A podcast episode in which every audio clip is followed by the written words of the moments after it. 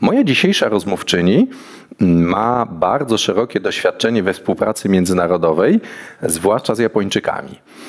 Być może, jak niektórzy z Was wiedzą, temat ten jest mi szczególnie bliski i szczególnie dla mnie ciekawy, yy, dlatego że yy, sam mieszkałem dwa lata w Japonii, no ale chciałem zobaczyć, jak to wygląda z perspektywy innej osoby. Moim dzisiejszym rozmówcą będzie Ewa Geresz. Rozmawia Marek Kowalczyk. Część pierwsza.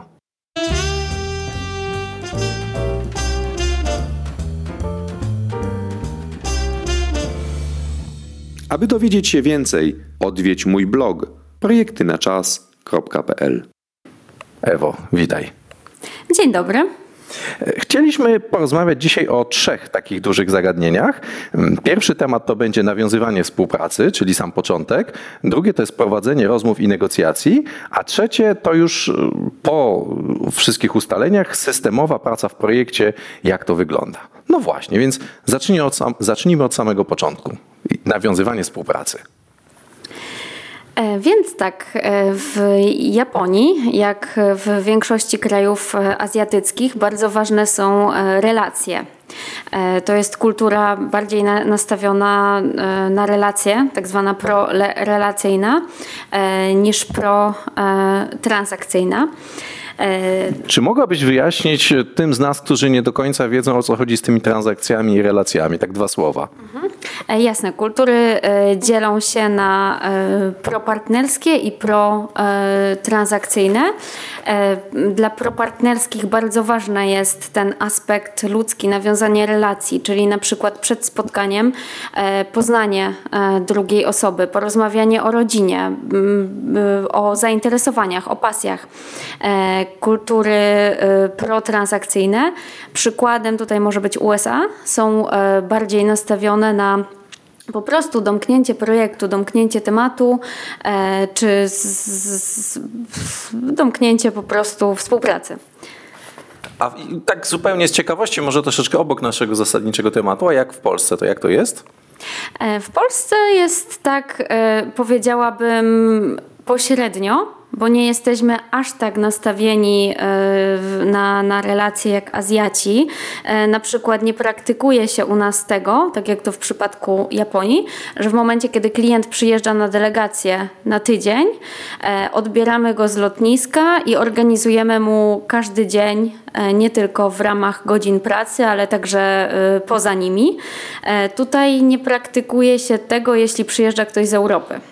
We współpracy z Japończykami tak właśnie robiliśmy i w drugą stronę to też tak wyglądało, e, ale z kolei też nie jesteśmy mm, e, aż tak nastawieni tylko i wyłącznie na, e, na biznes, bo lubimy wcześniej kogoś poznać, czy mieć, mieć, mieć, mieć, mieć jakąś relację. Także powiedziałabym, że tak, że tak po środku. Też Polska jest znana właśnie z tej gościnności, także jak ktoś przyjeżdża, zwłaszcza z innego kraju, kraju, to staramy się zabrać do jakiegoś polskiego miejsca, ale nie robimy tego codziennie, tak jak Japończycy. Jasne. No to w takim razie przejdźmy już tak bardziej systematycznie do naszego pierwszego punktu, czyli do nawiązania współpracy. Jak to się robi? E, to pierwsza taka kluczowa e, zasada e, może być znana dla, dla, dla wielu osób, bo, bo to jest dosyć, dosyć popularny temat, ale to wymiana wizytówek. W Japonii to jest bardzo ważne, e, ponieważ Japończycy traktują wizytówkę jak, jak swoją twarz. Także w momencie, kiedy wymieniamy się e, wizytówką z rozmówcą, powinniśmy trzymać ją obiema rękami e, swoją, przyjąć czyjąś także obiema, obiema rękami, przeczytać E, w imię, nazwisko, e, po prostu poświęcić czas na, na, na przeczytanie tego e, i schować w jakieś miejsce typu portfel lub wizytownik, na pewno nie do, do kieszeni, do tylnej kieszeni spodni i, i, i, później, i później usiąść, ponieważ tak jak wspomniałam wcześniej, Japończycy traktują to jak własną twarz. Nie należy też po niej pisać. No dobrze, czyli wszelkiego rodzaju nowoczesne, elektryczne formy kontaktu y, LinkedInowe, które w Polsce są coraz bardziej rozpowszechnione. Wiele osób już chodzi w sumie bez wizytówek. No, no, no. E, to znaczy, oczywiście e, działają. E, w, w Japonii w, wizytówki są ważne. Jeśli, jeśli ktoś, ktoś nie ma i, i się zamieni LinkedInem, to i tak jest lepiej niż na przykład potraktuje w, w zły sposób wizytówkę, którą otrzyma. Bo tak. chodzi o to, żeby nie urazić drugiej strony. Rozumiem, no dobrze, czyli to jest w zasadzie pierwsze kilka sekund, y, wizytówka, rozmowa, jeżeli chodzi o to nawiązanie współpracy i powitanie, co dalej? E, po, kolejna, kolejna, kolejnym ważnym aspektem e, przed rozpoczęciem spotkania jest ustalenie, kto gdzie siedzi. Bo w e, Japonia jest kulturą, gdzie bardzo ważna jest hierarchia i na każdym kroku zaznacza się tą hierarchię. Dlatego organizator spotkania powinien wyznaczyć gościom, kto, kto gdzie ma siedzieć ogólna zasada jest taka, że najważniejsza osoba powinna siedzieć e, najdalej od e, drzwi. E, I też tutaj ważne jest, jak w momencie, po tym jak usiądziemy, jak zajmiemy miejsca, ustawiamy wizytówki, które otrzymaliśmy.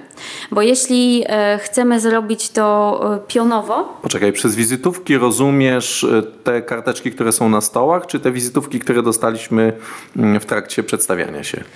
Te, które otrzymaliśmy w trakcie przedstawiania się. Bo wyobraźmy sobie sytuację, że wchodzimy na, na, na spotkanie, jest krótkie mm, przedstawienie się, czyli, czyli czyli każdy podchodzi do każdego i wymieniamy się wizytówkami. E, mamy kilka tych wizytówek i w momencie, kiedy chcemy na stole położyć je e, pionowo, e, to musimy uważać, żeby osoba najważniejsza stanowiskiem, hierarchią znalazła się na, na samej górze. Łatwiej jest to zrobić poziomo, bo wtedy po prostu mm, od, możemy odzwierciedlić sytuację, kto gdzie siedzi. Także, także mamy pewność, że nie popełnimy błędu, e, ale jest to, jest, jest to także e, ważny aspekt. No dobrze, czyli weszliśmy, przywitaliśmy się, odpowiednio ukłoniliśmy, o tym nie powiedziałeś jeszcze, jak to należy robić, czego nie robić e, i tak dalej. Nie wiem, czy, czy, czy chciałabyś jeszcze do tego wrócić. Leżą wizytówki na stole, tak żeby nikogo nie urazić. W poziomie nie międlimy, nie miętolimy, nie, nie piszemy po nich i co się dzieje dalej.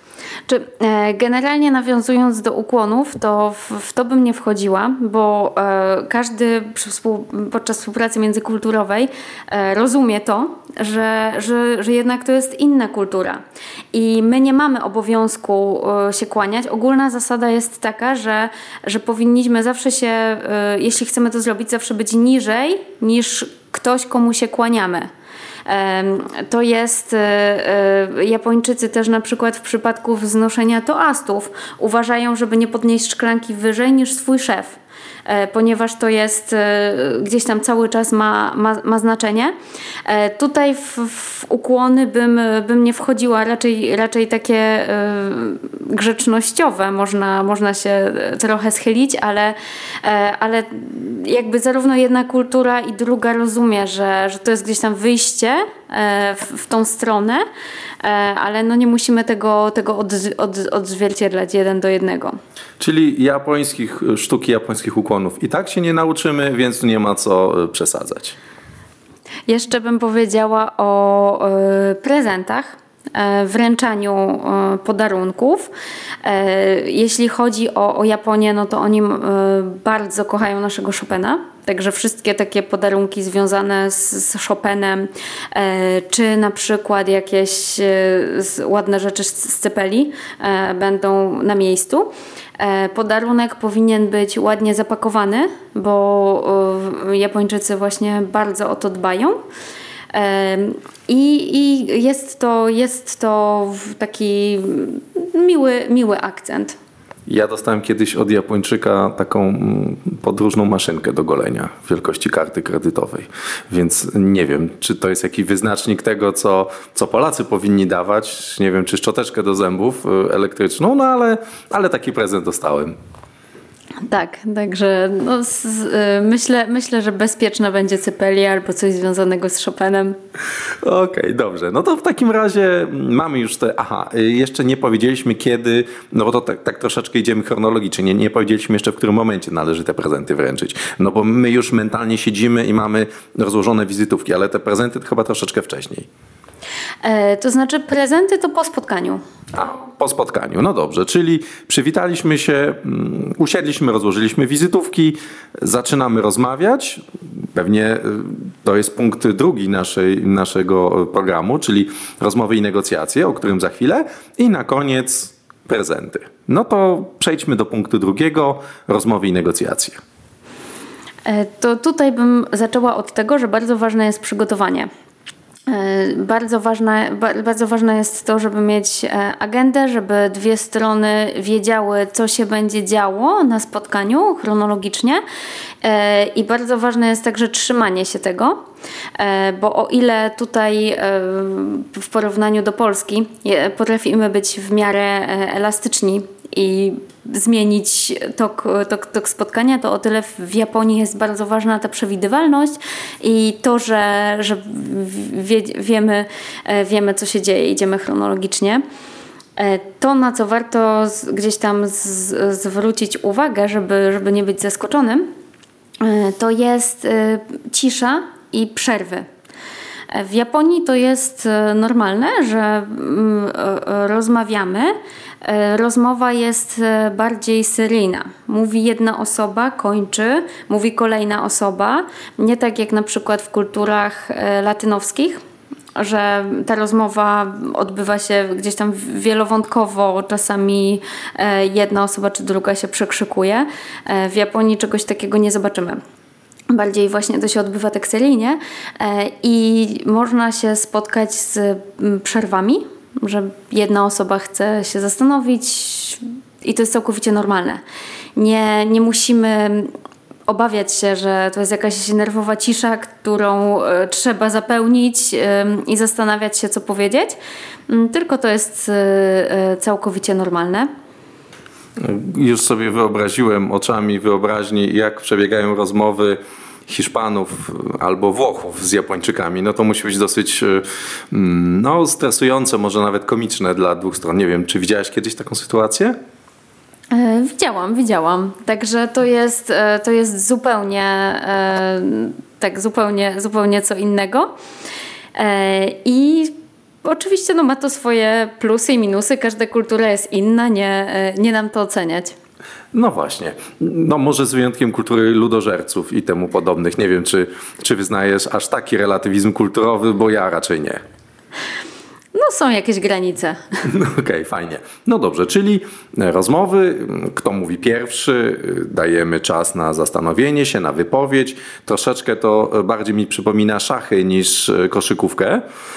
No i czy coś jeszcze a propos prowadzenia tych rozmów i negocjacji? E, jeszcze e, ważnym aspektem, już wspomniałam o tej e, hierarchii, ale jeszcze na moment do tego wrócę, że ważne, żeby właśnie w tym spotkaniu uczestniczyła osoba na równorzędnym stanowisku. Czyli na przykład, jeśli przyjeżdża do nas delegacja z Japonii i przyjeżdża zastępca burmistrza miasta, to powinien go podjąć zastępca burmistrza, mm, zastępca prezydenta. Ni mniej, ni więcej. Tak, dokładnie. Dok znaczy, e, więcej może być, e, do, e, nie, nie mniej, żeby tamta osoba nie poczuła się urażona. Jeszcze tutaj wspomnę o takim aspekcie utraty twarzy, gdzie w Japonii jest to, jest, to, jest to bardzo ważne. Była taka anegdota że jeden Europejczyk pojechał na konferencję międzynarodową i właśnie jego publiczność y, była z Japonii. I miał swojego doradcę, e, jak tam się zachować e, i występował e, przed, przed nimi. I w pewnym momencie zapytał, kto, kto z Was kiedykolwiek był tak e, głupi, żeby zrobić taką rzecz. I nikt nie podniósł ręki. I cisza na sali, konsternacja. On biegnie do tego swojego doradcy i się pyta, e, o co chodzi. Ten doradca, że no powiedziałeś, że kto był tak głupi, czyli nikt nie chce podnieść ręki, żeby się przyznać, że, e, że, że, że, był e, tak, e, tak głupi, żeby nie utracić twarzy. No to on wraca na scenę i pyta, kto z Was był tak głupi jak ja, żeby kiedykolwiek zrobić coś takiego? I nagle wszyscy podnieśli rękę, cała sala też zdębiał, nie wiedział o co chodzi, wraca do tego swojego doradcy i pyta, o co tym razem chodzi. A ten doradca, bo powiedziałeś, że kto e, kiedykolwiek był tak głupi jak ty, czyli przyznałeś się, że ty byłeś tak głupi i wszyscy e, byli z tobą, żebyś ty nie stracił twarzy. Także tutaj ten aspekt utraty twarzy jest bardzo ważny i tutaj należy uważać, żeby nie urazić swojego e, partnera biznesowego, e, czymś, e, żeby go nie, nie obnażyć w jakiś sposób, żeby nie pokazać publicznie jego błędu, bo wtedy on straci twarz przed, przed, przed, przed innymi, no i to może źle wpłynąć na współpracę. Mm, ciekawe. Ja miałem do czynienia z podobnym przypadkiem, może nie, nie, nie w takim samym kontekście, mm, ale wykładowca na, na jednym z zajęć zapytał, co sądzicie, nie wiem, tam o Aleksandrze Wielkim. No i nikt nie podniósł ręki, żaden z, ze studentów. No i potem on, on był zaskoczony, ja byłem zaskoczony, wszyscy byli zaskoczeni. Oczywiście tylko Europejczycy i Amerykanie mieli swoje zdanie. Mm, a potem, jak zaczęliśmy analizować tę sytuację, to co się okazało, no nikt nie podniósł ręki, bo, bo studenci nie wiedzieli, co wykładowca sądzi o Aleksandrze Wielkim i nikt nie chciał powiedzieć czegoś, co mogłoby mm, no, być w jakimś, e, no, sprawić jakiś kłopot, czy, czy, czy, nie, czy też nie zgodzić się przez, przez nieuwagę z, mm, z wykładowcą. Także rzeczywiście dla nas są to zachowania czasami dziwne i wywołujące frustrację, więc wręcz, wręcz może nawet jakąś zachęcające do, do, do jakiejś, wywierania jakiejś presji, ale to chyba raczej nic nie daje, a nawet odwrotnie. E, tak, i tutaj właśnie znowu e, wracamy do, do, do, hierarchii, bo tak jak wspomniałeś, właśnie taką relację nauczyciel i, e, i uczeń, to z, w większości kultur azjatyckich jest tak, że, że właśnie nauczyciel ma rację i nauczyciela należy mm, słuchać, nie, nie polemizować w kulturach europejskich czasami nawet zachęca się do tego, żeby mieć e, swoje zdanie i z kolei nauczyciele, którzy na przykład wykładają w Polsce i mają studentów z Azji, czasami się frustrują, że nie mogą otrzymać informacji zwrotnej od tych studentów albo wejść w dyskusję, ponieważ oni są bardziej przyzwyczajeni do takich e, wykładów i gdzieś tam nie, nie, nie wychodzenia przed szereg. E, moi studenci i uczestnicy moich szkoleń nie mają żadnych problemów z wyrażaniem informacji zwrotnej. E, czasem, nawet jakby to powiedzieć, niezwykle głośno i spontanicznie, mm, dzielą się swoimi opiniami, które często są ich opiniami. Także w Polsce bym na to nie narzekał. A jest e, grupa polska, tak? E, no, jeżeli jest grupa, tak, grupa polska, także nie, nie mam tutaj z tym żadnego kłopotu. E, nawet, nawet tak jak porównuję z, co, co ciekawe, nie wiem, to, to jest pewna dygresja, ale jak porównuję z, z osobami zagranicznymi, to wydaje mi się, że w Polsce spotykam więcej jakby to powiedzieć, takiej nieufności wręcz graniczącej z tak, takiego niedowierzania na granicy agresji. Kiedy mówi się coś kontrowersyjnego, albo kiedy ludzie się nie zgadzają, albo nie do końca wierzą, oni łatwo popadają w, taką, w, taki, w taki ton, a co ty tam wiesz, taki no dosyć emocjon- dużo, duży ładunek negatywnych emocji widzę. Yy, nie widzę zaciekawienia na przykład. No, ciekawe, yy, ciekawe, że masz takie zdanie, no, no ja się z tym nie spotkałem, więc czemu tak twierdzisz? Nie wiem, czy to są też Twoje obserwacje, ale tak uwaga na marginesie. To znaczy, ciężko tak e, generalizować, bo to też zależy od człowieka, jednostki indywidualnie.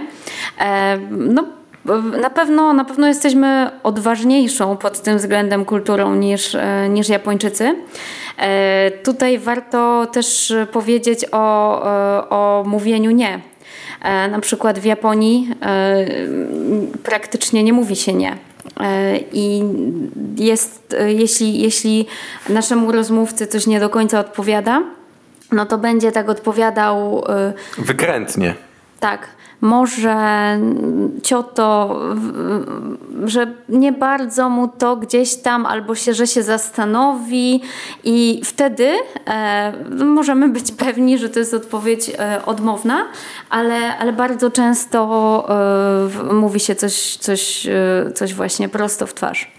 No właśnie, to też dla nas jest y, takie, może być takie frustrujące, y, dlatego że mm, my nie do końca wiemy, mamy takie wrażenie, że nie do końca wiemy na czym stoimy i często osoby niedoświadczone, tak jak, tak jak ja, ja próbowałem uzyskać taką jasną deklarację, a czym bardziej ja próbowałem tą deklarację uzyskać, tym bardziej ten mój rozmówca się tak, no już w ogóle czuł się jak zapędzony w kozi róg i tym bardziej on się robił taki, mm, no taki unikowy, więc no, dopiero potem e, zrozumiałem, że rzeczywiście to, to zupełnie nie tędy droga i mm, jeszcze jedna taka moja ciekawa obserwacja, że tak, czyli hi, to wcale nie znaczy tak, to hi znaczy słucham cię, czyli bardziej to jest takie mhm, mhm, niż e, rzeczywiste tak. Czy, czy to się też zgadza z twoimi obserwacjami? Tak, tak. y, Ale tak, tak, czy hi, hi? Haj, haj. E, To znaczy są, są generalnie często podczas rozmowy wydawane takie różne odgłosy, które nic nie znaczą, tylko oznaczają właśnie to, że cię słucham. Tak, utrzymujemy takie, to się nazywa, zdaje się, funkcja fatyczna komunikacji, czyli takie pingowanie, e, nadal cię słucham, nie śpię. Dokładnie. Ciąg dalszy w części drugiej. Rozmawia Marek Kowalczyk. Aby dowiedzieć się więcej, odwiedź mój blog projektynaczas.pl.